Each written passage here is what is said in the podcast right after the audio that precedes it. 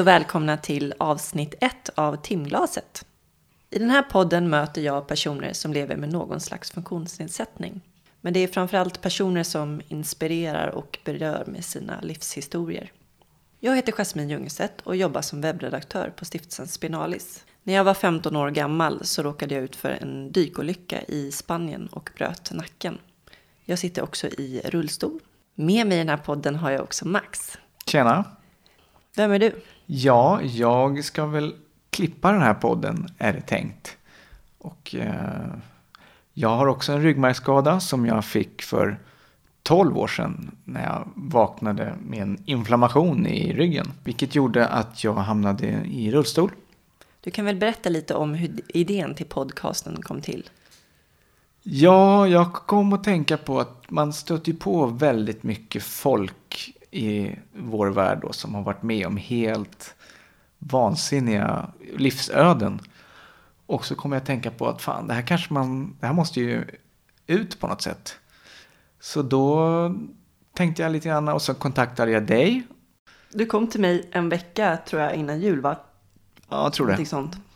Och eh, kom hem till mig och vi fikade och du berättade om idén och jag gick igång direkt och tyckte att det lät jättekul.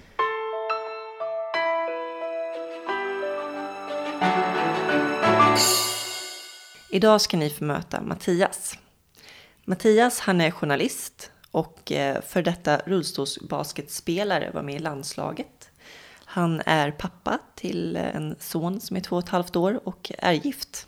Ända 22 år gammal åkte Mattias ner på FN-tjänstgöring till Bosnien. Och uppdraget fick ett abrupt slut när han och hans grupp åkte på en mina med pansarvagnen.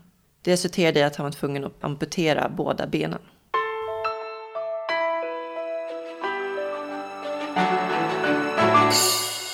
Det här avsnittet görs i samarbete med Invacare som är ett av de största hjälpmedelsföretagen i världen. Och de har eh, gjort min rullstol som jag sitter i som är av märket Kushal. Som jag är jättenöjd med och har suttit i i tio år nu. De har mycket, de har mycket fina cyklar och sådana grejer såg jag där ute när jag var där också. De har många andra hjälpmedel. Det är ju allt från sängar till eh, andningshjälpmedel och... Och skotrar hade de också tyckte jag, jag såg det. Och nu är det dags för Mattias.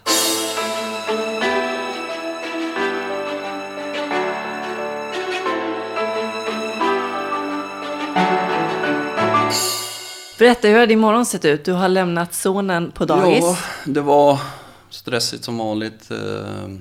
Eh, idag lite värre än vanligt så jag kom in 20, 25 minuter sent då.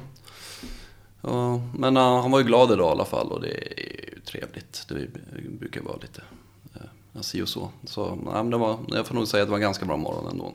Visst är det en underbar dag? Det är det absolut. Och, men jag är lite kluven för jag tycker um, det har varit en skum vinter när Fast jag är invalid och hatar snö så vill jag ändå ha det på något vis ändå. För det, det känns bättre. Det blir lite ljusare. Och, det är här, tre grader och regn och grejer. Jag vet inte. Det känns inte som vinter för mig. Så det är lite, men det är både och faktiskt. Men nu kan det få bli vår. Nu, nu spelar det ingen roll. För nu är det mars liksom. Ja, jag tycker det är underbart. Man får en helt annan energi när man vaknar upp till sånt här solljus. Alltså. Mm, mm. Du kan väl beskriva din funktionsnedsättning? Ja, jag skadade sedan 86, Det låter länge, det är länge sedan. Eh, jag är dubbelamputerad, benamputerad under knät. Det är ganska viktigt att tillägga för det är ganska stor skillnad. Det är ju väldigt bra att ha knäna kvar då, om man säger. Eh, men jag är stel i ena knät, eh, har inte full rörlighet. Sen, sen är jag faktiskt döv på ena örat och det är faktiskt värre än vad man tror. Eller det är lätt att glömma bort i sammanhanget. Men det hindrar mig nästan mer eller lika mycket idag, i dagsläget som, som mina andra eh, funktionshinder så att säga. Eh, I vissa miljöer sådär, om någon står fel så är de helt, helt döv så att säga. Så det påverkar ju också. Vad använder du för hjälpmedel idag? Eh, jag går mycket, har gått med benproteser. Och brukar ha en käpp ibland men jag har faktiskt gått rätt mycket utan många år. Men det där har börjat bli lite sämre, eller ganska mycket sämre för mig. Så jag försöker använda mer rullstol också. Och det är egentligen bättre när jag väl sitter i rullstolen och sådär. Mycket runt omkring som är lite bökigare men, men jag försöker använda mer och mer. Men det är liksom, man får säga till sig själv lite grann. Eh, ja, jag tror också det är liksom folks syn på rullstol också.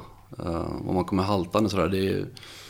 Alltså man smälter in på ett annat sätt och det tycker jag är, rätt skönt. Ja, jag, tänkte, jag var lite nyfiken på det sådär att om du märker stor skillnad på när du kommer med rullstol eller när du kommer med oh, haltandes med proteser. Liksom. Oh, alltså oh, det är jättestor skillnad. Människors syn och sådär. Det är jättestor skillnad. Mm. Jag, jag, satt ju, jag hade ju ganska mycket problem i början så jag satt ju bara i rullstol kanske två och ett halvt, tre år innan jag kom igång och med, med proteserna. Och jag mm. menar, det var ju det som var det skönaste med, med proteserna. Man var liksom som en undercover agent, lite dolt handikapp nästan sådär. Mm. Och det har ju sina nackdelar men det är ju samtidigt ganska skönt. För mig. Jag hade svårt med det här folk, det tror jag alla i rullstol har svårt. Det är också en sak i början, alla tittar. Och speciellt om man är amputerad också, dubbelamputerad, ser ju ganska så här, ja, man tittar, det gör jag också om jag ser en dubbelamputering, jag glor ju också. Liksom. Man bara wow. Men eh, det är ju, ja. och sen var det också ett liksom mindset. Det är så fint att gå på något vis. Och det är fult att sitta i rullstol och det är lite fel. Ja, men det är som hela omgivningen, sjukvård och allting. Ja, men snart kan du få proteser och bla bla bla. Liksom, och det, då blir allt bra. Och, så det, det är lite inställning och jag, jag, kan känna att jag borde ha åkt mer i rullstol, mycket mer i rullstol. För det, det är bättre. Samma när jag varit på utomlands och sådär. Eh, jag har inte haft med mig ja, så här dumma grejer. Alltså, men det kanske man får betala lite för nu då, för nu börjar jag ont och du vet man får ont i knäna och ryggen. Och, ja, man kanske skulle ha 50-50 mer liksom. Mm. För att förebygga lite? Ja, precis. Fick du välja skostorlek? Eh, ja, det fick jag göra. Eh, det, det är också en grej. Eh, man, de sa att man skulle ha lite mindre fötter. Så jag, det har stört mig lite grann. Men, Varför? Jag, ja, men jag ville ha typ stora fötter. Men, eller, Som innan? Ja, eller ännu större. Men man kan ju passa på liksom. Nej, men lite mindre då i början för att man skulle, att det var bättre sa de, de som kan. Och sen har jag haft det då. Men eh, nu, jag vet inte om det var någon 40-årskris, jag fyllde 40 förra året. Och, så då vill jag bli lika lång och lika stora fötter som förut. så det blev så här okay. 8 centimeter längre. Och, eller för det är också, man brukar ha lite kortare för balansen. Så, men det, jag vet inte om det var så lyckat faktiskt. Men det låter lite så ologiskt att man skulle ha mindre fötter, alltså kortare fötter för balansen. Ja, men jag tror att det är lättare att lära sig gå då för att man inte slår i och liksom sådär. Mm. Men jag tycker också det, om man ser de som springer, tävlar, de vill ju ha så stora som möjligt. De bråkar ju om hur stora fötter de ska få ha. Liksom. De vill ju ha riktiga simfötter att springa omkring på. Och då borde det vara liksom, det borde vara samma sak för, för mig tycker jag. Eller för alla, alltså att man får mer energi och sådär. Är det lite så här, ja, ni vet vad de säger om stora fötter? Ja, precis. Det är lite det som spelar in också. Någon bara, ge mig storlek 50. Men...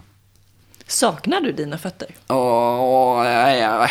Alltså jag menar inte rent så här funktionellt, för det fattar jag att du gör, men just dina fötter. Liksom. Jo, det är klart jag gör. Det gör jag ju. Men det, det är också en sån här grej som blir mindre och mindre, alltså man glömmer bort lite grann. Men, men så här, känslan av att gå på så här dagggräs och så här, man, man, har ju så här, man får ju så här känslominnen i fötterna. Som man har, där kan man komma ihåg liksom att eh, man var ute eller liksom, eh, och hade festat och så tar man av sig skorna så gick man med bara fötter genom så här, det, det kan jag missa. Eller så här, att man går på stranden och hur det känns, liksom, eh, liksom foten ner i sanden och sådär. Det, det, kan man ju sakna förstås. Det, det, men det, det, är ganska sjukt för man kan ta fram det minnet och, och ta på det liksom med, med fötterna som man inte har. Det är lite skumt att förklara men, men det, det är så det funkar. Men, men det är inget sådär, alltså det försvinner mer och mer på något vis, sådana tankar. Men man har ju dem såklart.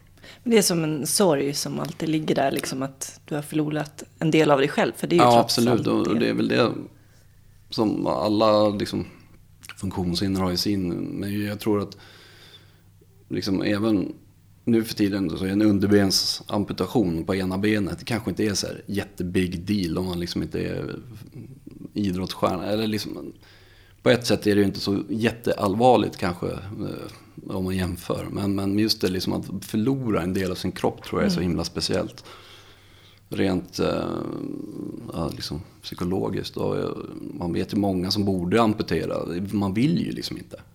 Alltså en del vill men får inte. Men, och, mm. och så tvärtom. Men, men, men det, alltså, väldigt, det finns liksom i det undermedvetna att man, man ska liksom inte skära av något från kroppen. Liksom det, så det är ju en stor sorg såklart. Men ja. Tror du många känner att de skulle vilja ta farväl av sin kroppsdel? Ja, det, jag tror faktiskt det. Eh, det låter lite konstigt men jag tänk, det börjar jag också tänka på ganska sådär. Jag bara, aha. För ena benet är ju, de eldar ju upp dem liksom. Eh, och då börjar man säga, ja, man, man, kanske borde få den här askan liksom. Förstår du vad jag menar? En liten burk, varför ja. inte liksom? En eh, Una liksom? Ja, varför inte? Men jag tänkte, ena benet där och andra benet i Linköping. Det känns ju inte bra alls. Det, det, men det, det, är lite makabert men, men jag brukar tänka så. Man borde ju få med sig askan hem åtminstone. Det borde, ja, men jag tror det är nog ingen som har tänkt på det riktigt. Nej. Den problematiken. Men eh, absolut. Får jag ställa en fråga? Yes. Med tanke på då att du får välja hur stora fötter du har. Hur, hur är det med längden? Hur lång är du nu för tiden? Det är ganska bra, för jag kan ju säga hur lång som helst. Liksom. Så jag började med att säga 1,87 som ungefär. Men sist, nästa gång jag, jag bara skriver 1,92 då. Så jag har alltid velat vara lång, jag vet inte varför. Men det kanske för att jag har hållit på med basket och lite volleyboll och sådär. Och då får man bestämma själv? Nej men jag har åkt dit i rullstol så här. Uh. Hur lång är det? Uh. Jag kan ju inte säga en meter lång och 100 kilo 110 kilo tung som är sanningen liksom. Men med, är du en meter lång? Nej, det är jag inte. När du står på stumparna? Jag vet inte riktigt. En och en halv meter kanske? Ja, något sånt. Inte lång är jag inte. Men eh, med proteserna så kanske jag är 1,85-86 och jag var väl en och... Jag, vet inte. jag tror jag var runt 1,87 ungefär. Har din son förstått att du är annorlunda? Det är svårt att säga. Men jag tycker de tar... Han är ju ganska liten ännu också. Eh, han är två och ett halvt. Ja, lite drygt. Eh, han har ju aldrig sett något annat så det blir bara helt naturligt för honom. De andra ungarna på dagis, liksom, de, de fattar ju det där liksom, på ett annat sätt. Och att man har proteser, de tycker det är coolt och sådär. Man brukar säga att det är robotben. Liksom. Men eh, jag vet, det kanske kommer. Men jag, jag, tror han kanske förstår på något sätt. I och med att du vet, när han vill att jag ska gå upp, då går han och hämtar dem. Och så här, gå upp nu och sådär. Eh, det är ändå så helt naturligt så det är inget han mm. tänker på. Så. Är det något du tänker på så eh, när han blir äldre och sådär som du vill? Jag vet inte riktigt. Man får, man får väl... Det är som det är så det får väl utveckla sig så här. Men jag tänker rätt mycket på sådana här att man, ja du vet, skulle vilja spela fotboll och liksom också så här säkerhetssynpunkt. Att man skulle vilja kunna springa i kappan och så här, nu springer han ifrån mig ibland liksom. Det är ju skitläskigt. Och då får man stå och skrika. liksom, nej, men det, det är lite sådana där mer praktiska saker som man tänker mm. på.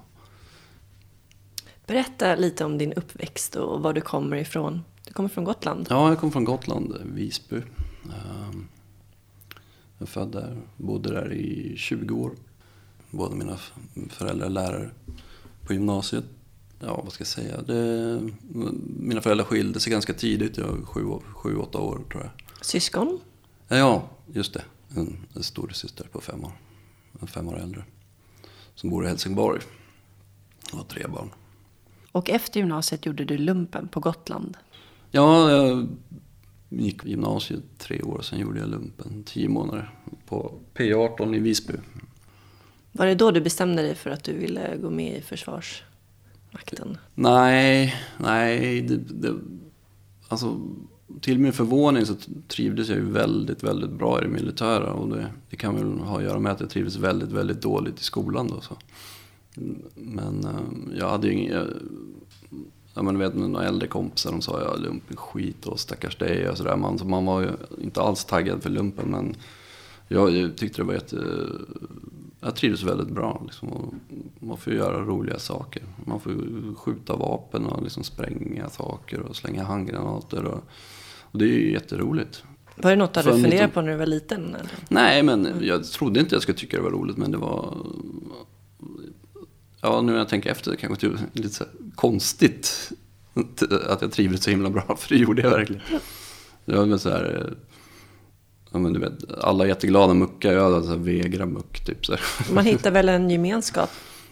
Ja, det gör man ju. Men jag, jag tror jag gillade liksom det- strukturen, att det var så bestämt. Och man visste vad man skulle göra och det här är din uppgift och gör den bra. Och Du behövde disciplin helt enkelt. Ja, jag tror det.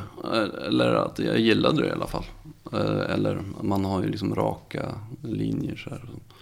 Och som man är en ganska ostrukturerad person så kan ju det vara väldigt skönt att komma in i en sån miljö. Men, men jag ledsnade lite, det gjorde jag, måste jag erkänna. I och för sig. Eh, Mot slutet där så var det rätt skönt. Och, och mucka då. Det, det var det. Men eh, sen var det ju, det var ju sån jäkla knas där med ekonomin runt 92. Så det var ju verkligen dåliga tider. Det är ju svårt att fatta nu när man tänker tillbaka. Det är ju nästan lite så här, som Grekland och vad Sverige var. Nej, men inte riktigt så illa. Men, men det var ju åt det hållet. Och det var ju verkligen fel tid och liksom komma ut från gymnasiet med skitdåliga betyg. Och, så jag, var, jag flyttade till Stockholm i samma veva. Och jag hade lite motorcykeldrömmar då. Lite så biker dreams. Så, här. så det var verkligen det som ledde mig in på, på, på det här utlandstjänstgöringsspåret faktiskt. Så det var väl dels att jag Hur gillade går det ihop? Jag fattar inte. då ska jag kunna spara ihop liksom x antal tusen och sen köpa en båge när jag kom tillbaka. Det, var, det var planen. Eh, så jag vet inte, det, det är väl inte riktigt rätt uh, liksom, premisser att åka ner på det egentligen. Men, men jag, jag trivdes i det militära och jag trivdes så bra i utlandsstyrkan också, eller vad man säger, eh, på missionen. Men 96, då var du 22 år gammal. Ja, det var lite senare då, efter lumpen. Eh, Men det var, det, det var då att mitt regemente skulle sätta ihop eh, ett kompani då till, till Bosnien. Och då fick jag höra det då, då sökte jag och sen då, då var det ju bra att man hade gjort lumpen där och kände vissa befäl och sådär. Och Sen var det klart. Men hur tänkte du kring det då? Det är ju krig liksom. Hur kändes det? Var, var du inte rädd? Nej, jag var aldrig rädd. eh, Och det, det, jag visste att det var risker, men som, som den personen jag var på den tiden liksom, brydde mig inte så mycket om sånt. Liksom. Jag, jag var lite vårdslös, eller lite självdestruktiv kan man väl säga också. För, Var du olycklig? nej, jag vet inte, kanske var, man var det på något vis, men... eh, nej, men mycket så här arg. Så eh, det där brydde jag mig inte om så mycket. Utan det var, målet var att tjäna pengar liksom. och eh, köpa en, en HD-shopper.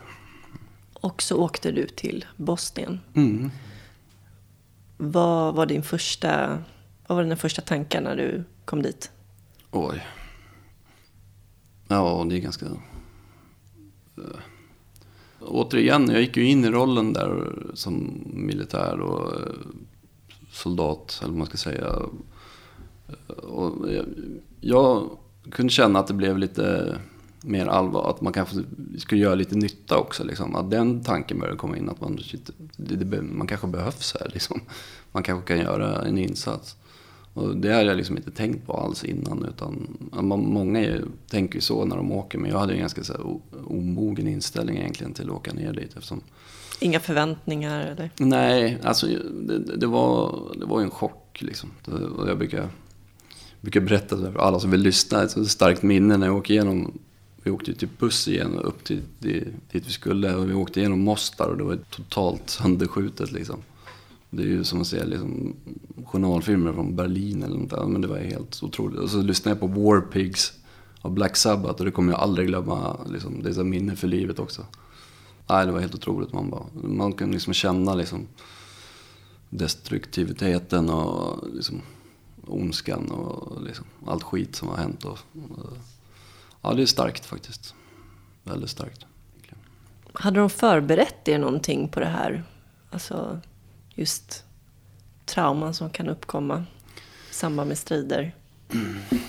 Nej, nej. Men psykologiskt sådär så det, man ju tycka det är ju nog väldigt, väldigt svårt att förbereda. Men man kan ju säga att hela grundutbildningen och utbildningen är väl någon sorts förberedning för det där. Men vi var ju aldrig i strid så. så det här var ju mer, kom ju bli mer ett peacekeeping-uppdrag då. Berätta om uppdraget lite. Ja, det var, det var väl med mycket att observera vad som hände på fronten och sen, det, sen när de hade skrivit vapenavtalet att de höll det. Och sen fick vi öppna upp så crossing points över eh, frontlinjen, om man ska säga, så att folk ska kunna komma tillbaka till sina hus där de har bott förut och flytt. Och jag kommer inte ihåg så jättemycket heller, för som sagt, eh, jag var ju menig, menig soldat så jag hade väl inte riktigt eh, orken att bry mig om det övergripande. Man gör ju det man är tillsagd. Liksom. Vad berörde dig mest av det du såg?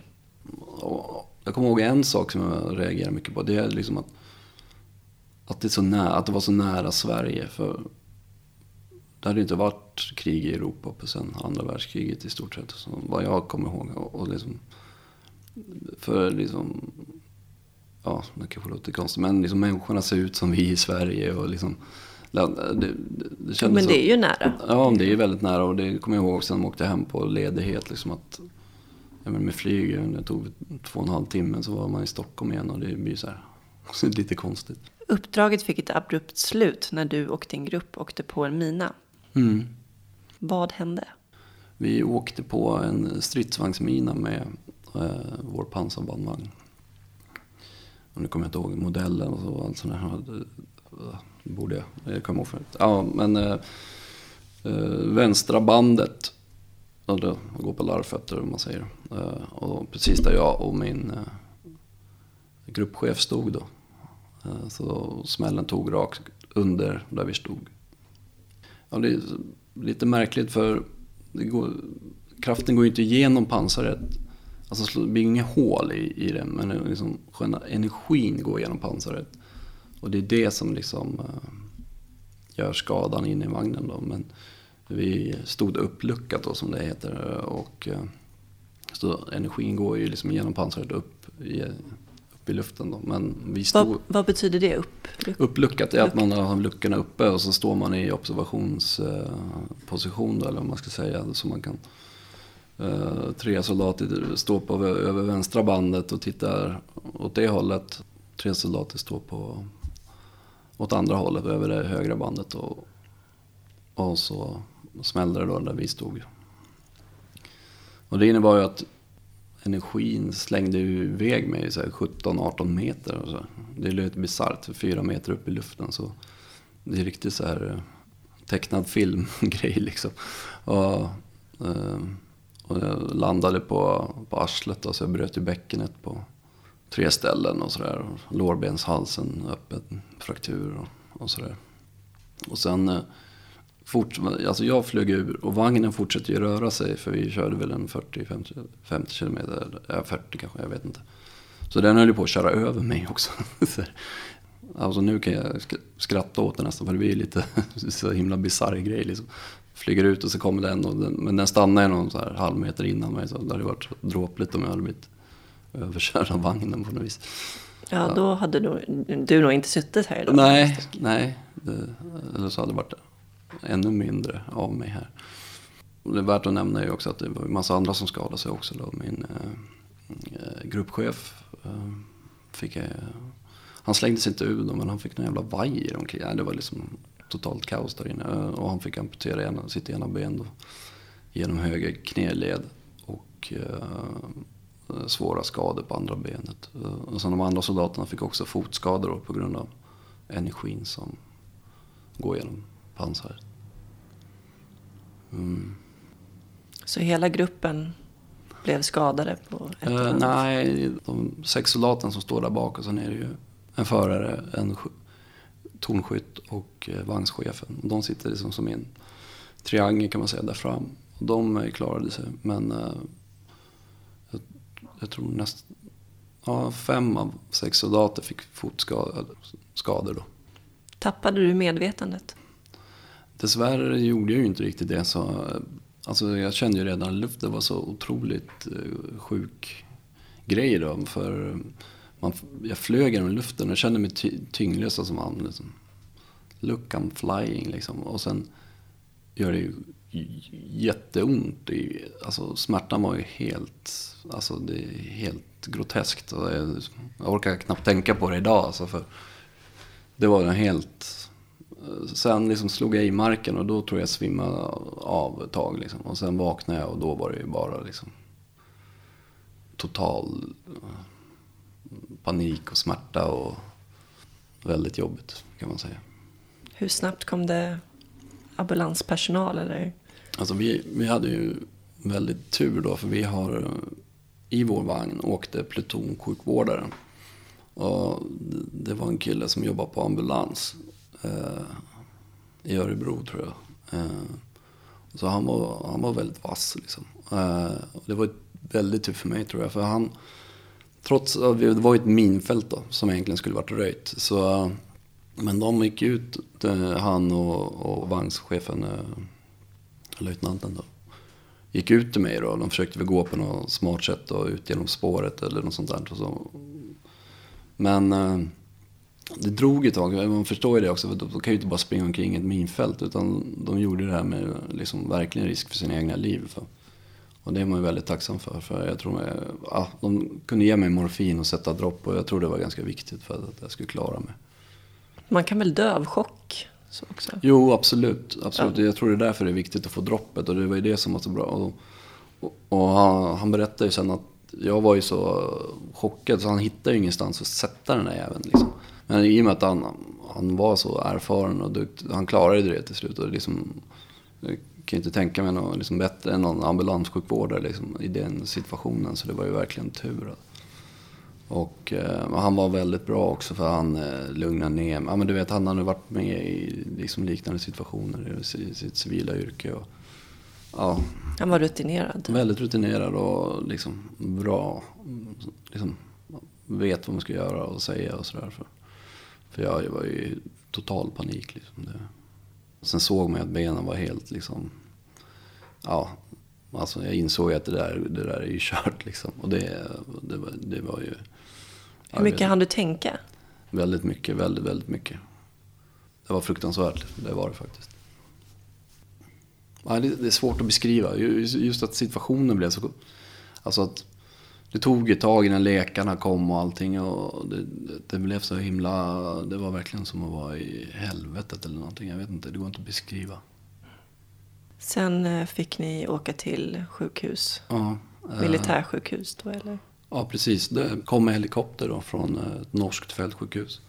En svensk kirurg i en amerikansk helikopter. Så det var väldigt internationellt det var så här dimmigt, så hade det varit lite sämre sikt hade de inte kunnat lyfta. Och sen var det så här, på den här vägen, så var det rotorbladen var så här sjukt nära träden. Och han var ju jätteduktig pilot. Det var så små, små saker som spelade in så att det gick då.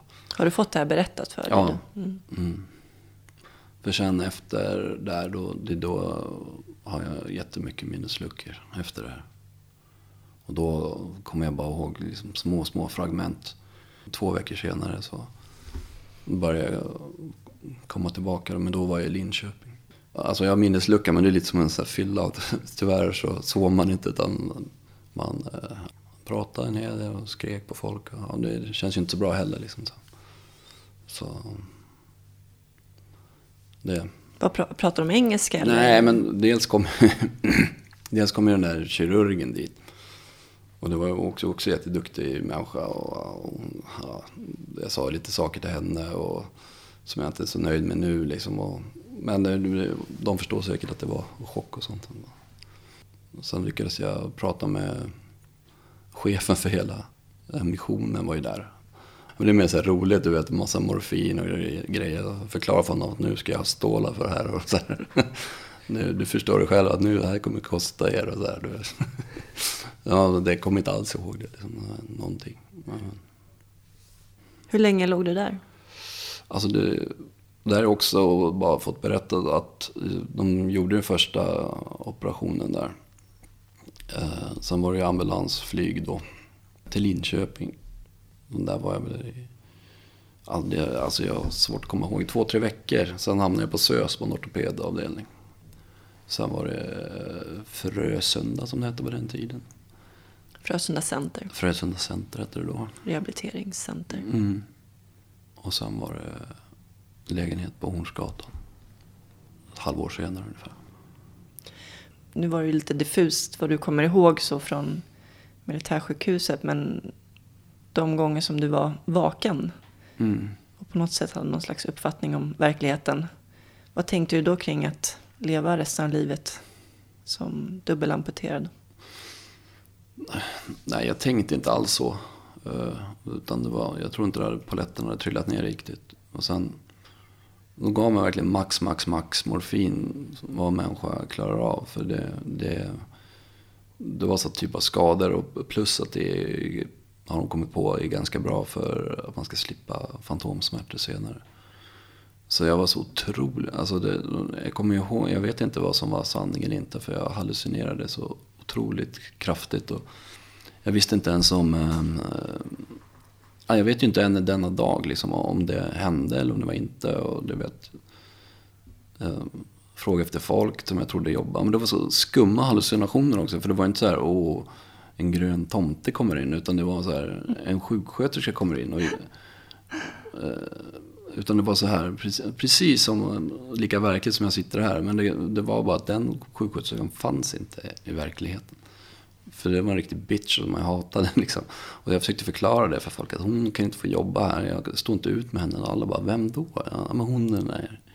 Alltså, var det någon namn? Ja, hon ser ut så och så. Liksom. Hon kommer in här och är dryg och så här. Bah, bah, bah. Alla bara, vadå? Vad pratar om liksom.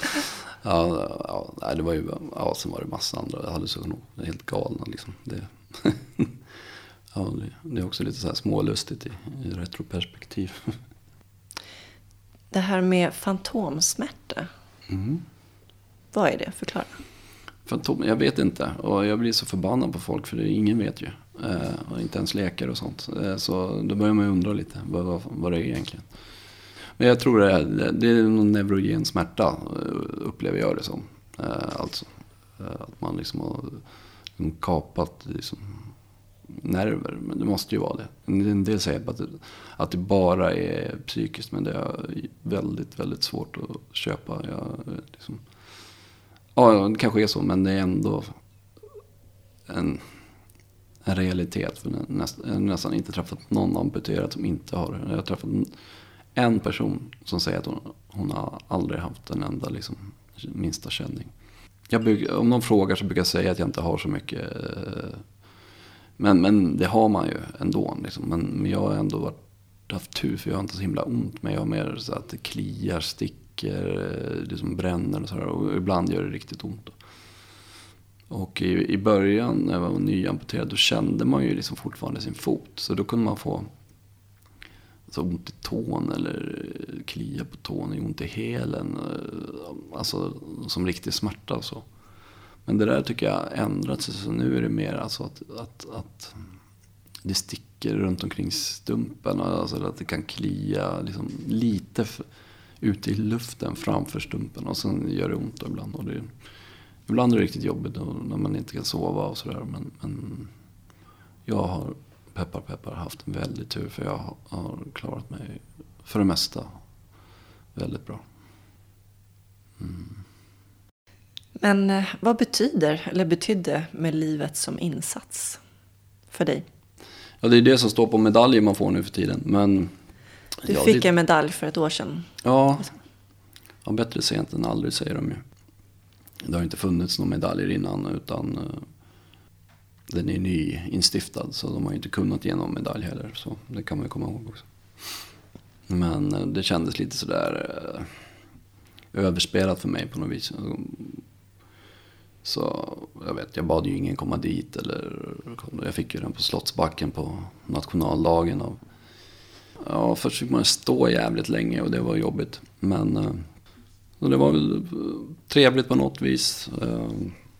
Absolut. Något slags erkännande? Ja, men det är ju det också att Försvarsmakten har ju fått till och med ett regeringsbeslut på att man måste ta, ta bättre hand om veteranerna. Liksom. Och det kan man ju tycka är, bra. Men det är mer, alltså jag tycker försvaret har skött sig bra men de, de har ju inte pengar. Och, men sen när man ska över till Försäkringskassan och AFA-försäkringarna, ja men det är då liksom det jobbiga börjar, för, om man säger så. Ja, vad fick du för hjälp och stöd? Alltså de som var innan Bosnien, så här, i Libanon och, så här, och Cypern och allting och Kongo. De har ju inte haft någonting. Liksom. Man hade ju så debriefing och med vi som i vår grupp då. Sen fick jag åka ner och liksom hälsa på och åka ut till platsen. Och det är lite, så här, lite nytänkt då att man ska få lite så här uh, closure eller vad säger man. Och, Fick du det? Ja, jag vet inte, det är svårt att ta till mig det där. Men, ja, men det var nog ganska bra att komma dit och sådär. Och vara på platsen där det hände och sådär. Det, det är nog bra tänk liksom.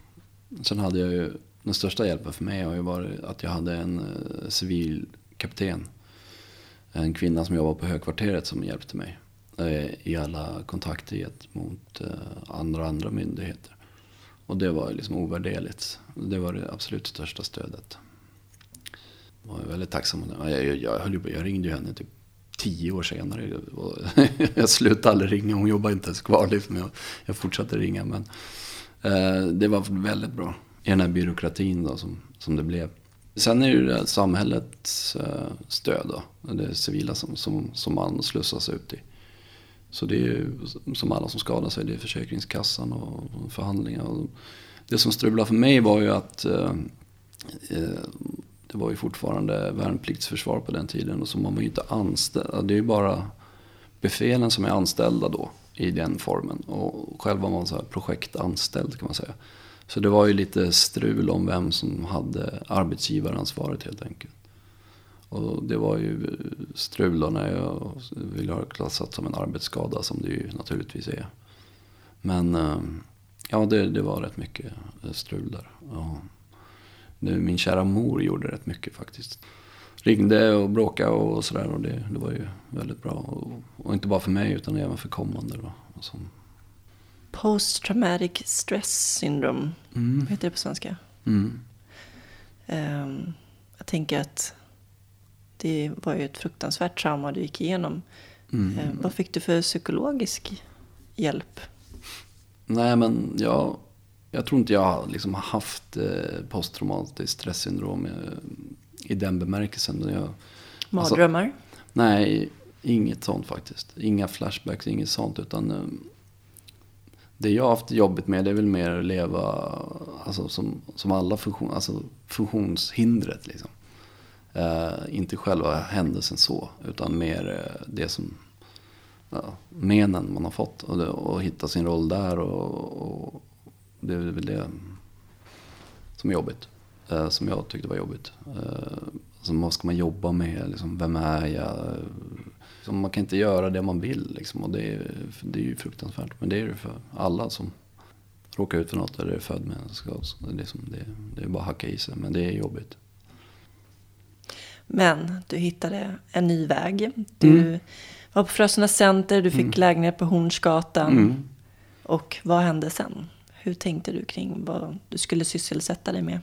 Jag kom på sen att jag ville eh, försöka mig på eh, journalistyrket. Eh, och det, jag har ju alltid tyckt det är ganska roligt att skriva sådär på hobbynivå. Så jag gick en vad heter det? utbildning på Poppius journalisthögskola. Privat och det känner vi nog många till. Eh, och man, man sökte in till det och jag fick gå den. En eh, grundkurs och sen två påbyggnadskurser. Och sen hade jag lite eh, praktik. Jag var på café, hade någon nätmagasin och entreprenör var jag på. Och lite sådär, så det var ju ganska bra. Jag var, jag varit eh, på T4 Mälardal och lite sådär. Och sådär. Så det, alltså, det rullade på men det kom av sig lite för eh, jag vet inte började, jag tappade sugen lite grann. Eh, eh, för jag insåg att jag liksom inte pallade att jobba 100%. Det var så det började och det är ganska krävande det där. Alltså det var ju väldigt, väldigt stressigt, det upplevde jag. Och, och tungt då med funktionshindret. Och så insåg jag att om man inte är beredd att jobba 100% då är det nog ganska svårt att hitta. Plus att om du är liksom ung, ny, nyutbildad journalist på den, du var, måste man ju vara tvungen att så här, åka på ett vikariat på ja, Norrlandstidningar, två månader där och liksom Oj, nu fick jag sex månader där och, det kände jag också. Det, där, jag kunde inte flytta omkring. Alltså, det var ju lite funktionshindret som jag kände att det, det där funkar nog inte riktigt så bra. Men uh, jag har ju ändå frilansat lite uh, och sådär uh, hela tiden. Men jag har ju inte jobbat full procent. Men, men det, sen var det ju idrott som var mitt stora, där jag la mitt fokus liksom. Rullstolsbasket? Ja, jag började spela rullstolsbasket och jag la mitt krut där liksom. Och det, det är på gott och ont liksom. Jag, jag tror inte, jag tror jag la lite för stor vikt vid det. Eller man ska säga att jag såg mig, ja, man lurar sig själv lite grann också. Man, Fast det betydde ju mycket för dig. Ja, det gjorde ju det. Och speciellt socialt och att man liksom har träning överlag. Liksom. Att man liksom inte bara liksom, satt och kröka och liksom höll på också. Som man tycker är kul i den åldern, liksom, när man är 24-25. Felet jag gjorde tror jag nog att jag la lite, att jag såg mig själv som, ja men jag håller på med basketen. Liksom. Och sen gjorde jag inget mer. Liksom. Det är nog inte bra. Tjänar du någonting på det? Nej, man, det är det man inte gör. Och det är ju ingen arbetslivserfarenhet heller att tala om. Så, liksom, vad har du gjort i 15 år? Jag spelar basket. Jag är med i landslaget. Jo, men du har väl ändå åstadkommit en hel del, herregud. Ja, nej, men det har du varit, varit med roligt. i landslaget. Det har varit roligt, jo. Och... jo jag, jag har ju varit med i landslaget. Det har ju varit... Hur har kar- men hur har karriären sett ut? Nej, eh, vad ska man säga? Avancerad amatörnivå kan man ju säga. Jag tränar ju eh. fyra, fem pass i veckan när det var som mest. Och, Fast var med i landslaget, landslaget, är det amatörnivå? Nej, nej, nej, det är det absolut inte. Det är det inte. Men, men det är ju ganska lite. Alltså, de som är bra är ju bra, men det, det, det bredden finns ju inte riktigt. Jag tyckte det var roligt, men det där sista liksom, engagemanget fanns inte riktigt. Men det var roligt. Men har du tagit några medaljer med, i rullstolsbasket? Ja, EM-guld mm. faktiskt. Även om det kanske inte var, det kanske inte var mig det hängde på. Att det var inte jag som rodde hem det, men jag var ju med i alla fall. EM-brons. Och sen har jag några SM-tecken och sådär. Det... Håller du fortfarande på med rullstolsbasket? Nej, nej, nu har det klingat av. Liksom det, jag kände att jag ville trappa ner men samtidigt tyckte jag inte det var så roligt att eh, bara träna då och då och liksom inte spela så mycket. Och jag kände att nej, men då kanske jag får bita det sura äpplet och, och, och sluta. Och det, det ska jag säga helt ärligt att det, det, det har varit rätt tråkigt. men jag har saknat idrotten mycket. Då. I alla fall i början. Då, så där. Det, det är en period där det är lite surt att sluta. Men nu, nu ångrar jag mig inte. Har du accepterat ditt funktionshinder? Mm. En svår fråga det där. Mm. Så, det, det ja, en del, alltså man bör ju säga, ja, En del ser det ju som att om man accepterar då har man gett upp. Liksom. Då har man gett upp någon slags hopp om att inte... Ja, nej men det håller jag inte med om alls. Nej. Utan det, det, handlar väl om att acceptera sin situation. Så kan man ju ha hopp. Liksom. Men sen tror jag inte man ska liksom eh, fokusera för mycket. Alltså det här är ju upp till var och en. Men alltså fokusera, ja men snart kanske de kommer på någon operation och bla bla bla. Liksom, uh, så, acceptera och leva i, det är ja, men, Samtidigt så kan, kan ju inte jag säga att jag har gjort det. För det är liksom, jag tror inte man gör det. Alltså, speciellt undermedvetet. Liksom, du, man drömmer ju fortfarande om att liksom, man har benen och liksom, jag vet inte. Det, jag hoppas i alla fall att jag har accepterat funktionshinder så mycket så att jag kan leva. Men jag går ju inte och tänker på det varje dag heller som man gjorde förut kanske. Ja men nu till exempel den 14 januari tror jag det är. Eh, var ju dagen, dagen jag gjorde illa mig. Förut tänkte jag snart är det 14 januari. Jag har inte tänkt på det på tio år. Jag glömmer bort det varje år. Så jag tänker inte på det. Om du fick leva om ditt liv. Mm -hmm. Vad skulle du göra då? Oj oj oj. Ja, det är så mycket. Det, det är kul att leka med de här tankarna men jag brukar inte göra det för det, ger liksom ingenting. Jag tycker det, slutar med att det blir jobbigt på något vis. För om man fick leva om sitt liv med facit i hand, då hade man typ varit där, du vet, kejsare över hela världen på något vis. Man har ju vetat allt. Nej, men du vet, eh, men eh, ja, jag ångrar en hel del eh, vad man har liksom sagt och gjort till vissa människor. Liksom varit inte så självcentrerad på något vis. Eller kanske, om man ska ångra något, då tycker jag man ska ångra liksom, uh, sin livsinställning. Eller förstår vad jag menar? Okej, okay, nu ska jag förkorta det. Jag skulle ha engagerat mig mer i mitt eget liv. så så. Det, det ska jag ha gjort. Punkt. Tagit mer hand om mig själv. Ja. Vad skulle du vilja säga till en person som inte har någon som helst erfarenhet av personer som lever med amputation eller funktionshinder? Nej, men om man ska beskriva att ha en protes, det är ungefär som, brukar jag säga, för det brukar folk fråga, hur är det liksom? Ja, det är som om benet har somnat och så har du en, går omkring med två raggsockor och en gummistövel ungefär. Det, det är lite så det känns. Du, Don't du, try du, this at home. du sa att du, du um speciellt när man är amputerad också eh, och sitter i rullstol, man ser att det är liksom stumpar. Att mm, det, mm. det, känns som att folk tittar med då. Mm. Har du blivit illa behandlad någon gång? Nej. Ja, men det, är, det är mycket det här också. Ska man låta sig själv bli... Att det är lite mindset också. Liksom. Nej, men det, det, är klart man stöter på det, men å andra sidan att alla människor blivit dåliga behandlade då och då. Vad gör dig lycklig? Vad betyder lycka för dig? Jävla frågor alltså. eh, för mig kan det vara att vara avslappnad och inte behöva liksom oroa mig för någonting. Eller Eh, ja, precis lite där snack, leva i, i nuet och, och, och sådär. det är lycka för mig. Sen tycker jag lycka kan man göra och göra lite annorlunda saker som bryter av eh, vardagen också. Samtidigt som man kan vara lycklig i vardagen. Så, ja, men, resa tycker jag är jätteroligt. Eller, det kan jag bli lycklig av. Eh, bara liksom, landa på något annat ställe. Sådär, och, Ja, men det är väl lycka, jag vet inte. Det är en känsla. Det är så här, som man borde vara oftare. Men det, jag tror det är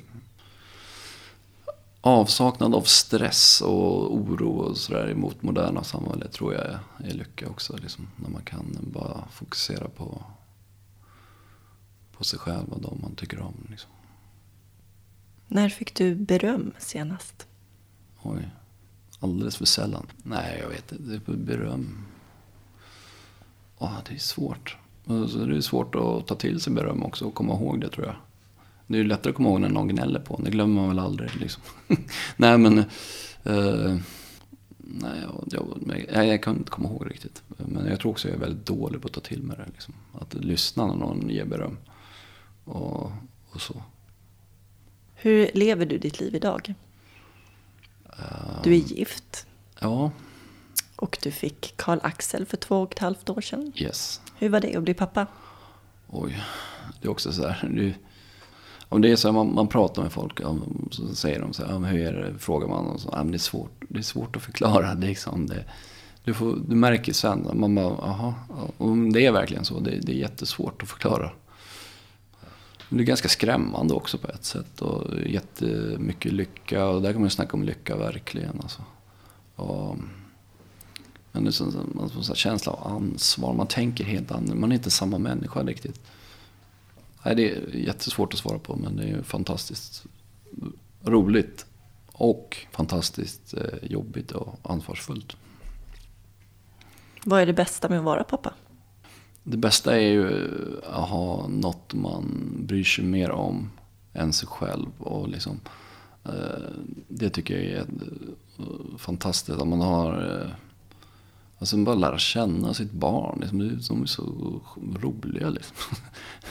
Man bryr sig inte så mycket om sina egna problem. Även på ett sätt. Men sen blir allt annat väldigt viktigt. Alltså man behöver säga, åh, räkningar och uh, autogiro. Nej men du vet, man kanske inte ska bo här vi bor. Och det här är inte så bra för honom. Och, men det är också, nej men det tycker det är så stort liksom. Vad ska du göra idag? Jag ska försöka jobba lite sen. Två timmar, sen ska jag hämta min son i tre. Sen hoppas jag att min fru kommer hem i tid. Så jag kan åka och skjuta lite luftpistol. Och sen kommer jag dö på soffan.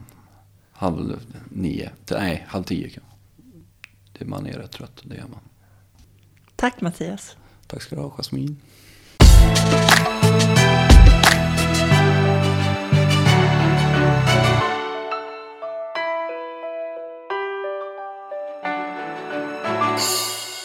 Ja du Max, det där var en riktigt eh, tung historia på något sätt. Alltså det... det är kul att du är intresserad av proteser, rullstolar och liksom hur samhället behandlar honom.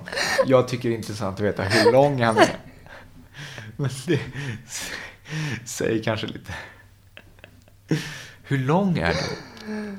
Ja. Ja, det är skönt att vi har lite olika frå intresseområden. Ja. Jag förstår inte riktigt hur man balanserar på de där benen. Ja, jag tror att det krävs nog väl en del träning också för att kunna lära sig gå i proteser och hålla den här balansen. Alltså nu vet vi om att han går i proteser, men ser man det? Om man inte nej, vet det? Nej, det gör man inte. Nej, han haltar lite grann sådär liksom. Eh, men det skulle kunna bero på vad som helst. Så det är inte helt självklart. Det är det inte. Han pratar ju också om det där med att han saknar att gå i sand och daggig gräs och de där grejerna. Mm. Alltså det är ju samma för oss Mm. misstänker jag. Ja, det är det Ja. Det är ju så vi också brukar beskriva det. Liksom. Man saknar just att känna sanden mellan tårna så här, när man går längs strandkanten. Och kunna, kunna utforska stigar i skogen. Så det, det är en frihetskänsla som man blivit berövad kan man säga. Eller hur? Ja, Som verkligen. man får ersätta med annat. Det var jävligt nice att gå i skogen.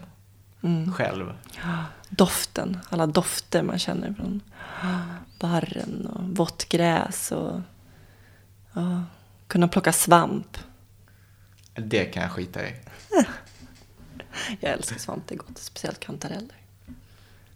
Jag kan äta om du vill plocka. Men, eller som, som när man åker omkring i Stockholm och ser alla så här, som sitter på klippavfaser. Mm. Det kan ju också bli så här, åh vad skönt det hade varit bara kunna gå ut och sätta sig på en klippa och se ut över vattnet. Men om du skaffar en rem i ett träd så skulle man kunna luta, så kan du ställa rullstolen i sluttningen där. Ja. Som håller det så att du inte rasar ner i vattnet.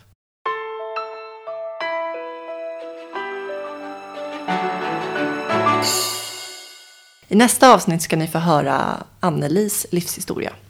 Hon jobbar som sekreterare på Spinaliskliniken och brinner för sitt engagemang som uppsökare på RG Aktiv Rehabilitering. Då hon åker till sjukhus och eh, träffar nyskadade personer. Anneli har en ryggmärgsskada sedan hon var 16 år. Och eh, idag har hon levt med den i cirka 35 år. Så att det ska bli väldigt intressant att höra hennes resa. Tack så mycket Invacare för att ni gör det möjligt för mig och Max att kunna producera den här podden. Som alla andra så finns vi självklart i sociala medier. Vi kommer framförallt vara aktiva på Instagram där vi kommer lägga ut eh, bild på eh, kommande person som vi ska intervjua. Men sen kom, har vi även registrerat på Twitter. Det är ju bara att hashtagga timglasetpodd. Så kan ni diskutera intervjuerna där för er som har Twitterkonto. Men även på iTunes såklart så finns vi för nedladdning. Så om man har podcaster så kan man följa oss där. Eller om man har en Android-telefon så eh, heter appen eh, Realplayer eller vad? Jag vet inte, men Mm. den kommer finnas där också. Yes. Och sen har vi såklart en hemsida. timglasetpodd.se. Och eh, där kan ni också kommentera avsnitten och de ligger för, ute för nedladdning. Tack för denna gång. Eh, nu ska jag ut och njuta av vårvädret. Vad ska du göra Max? Laga lunch. Och sen ska jag sätta mig och klippa det här har jag tänkt. Lycka till! Tack. Nästa avsnitt av Timglaset släpper vi om två veckor den 11 april. Ha det bra! Hej då!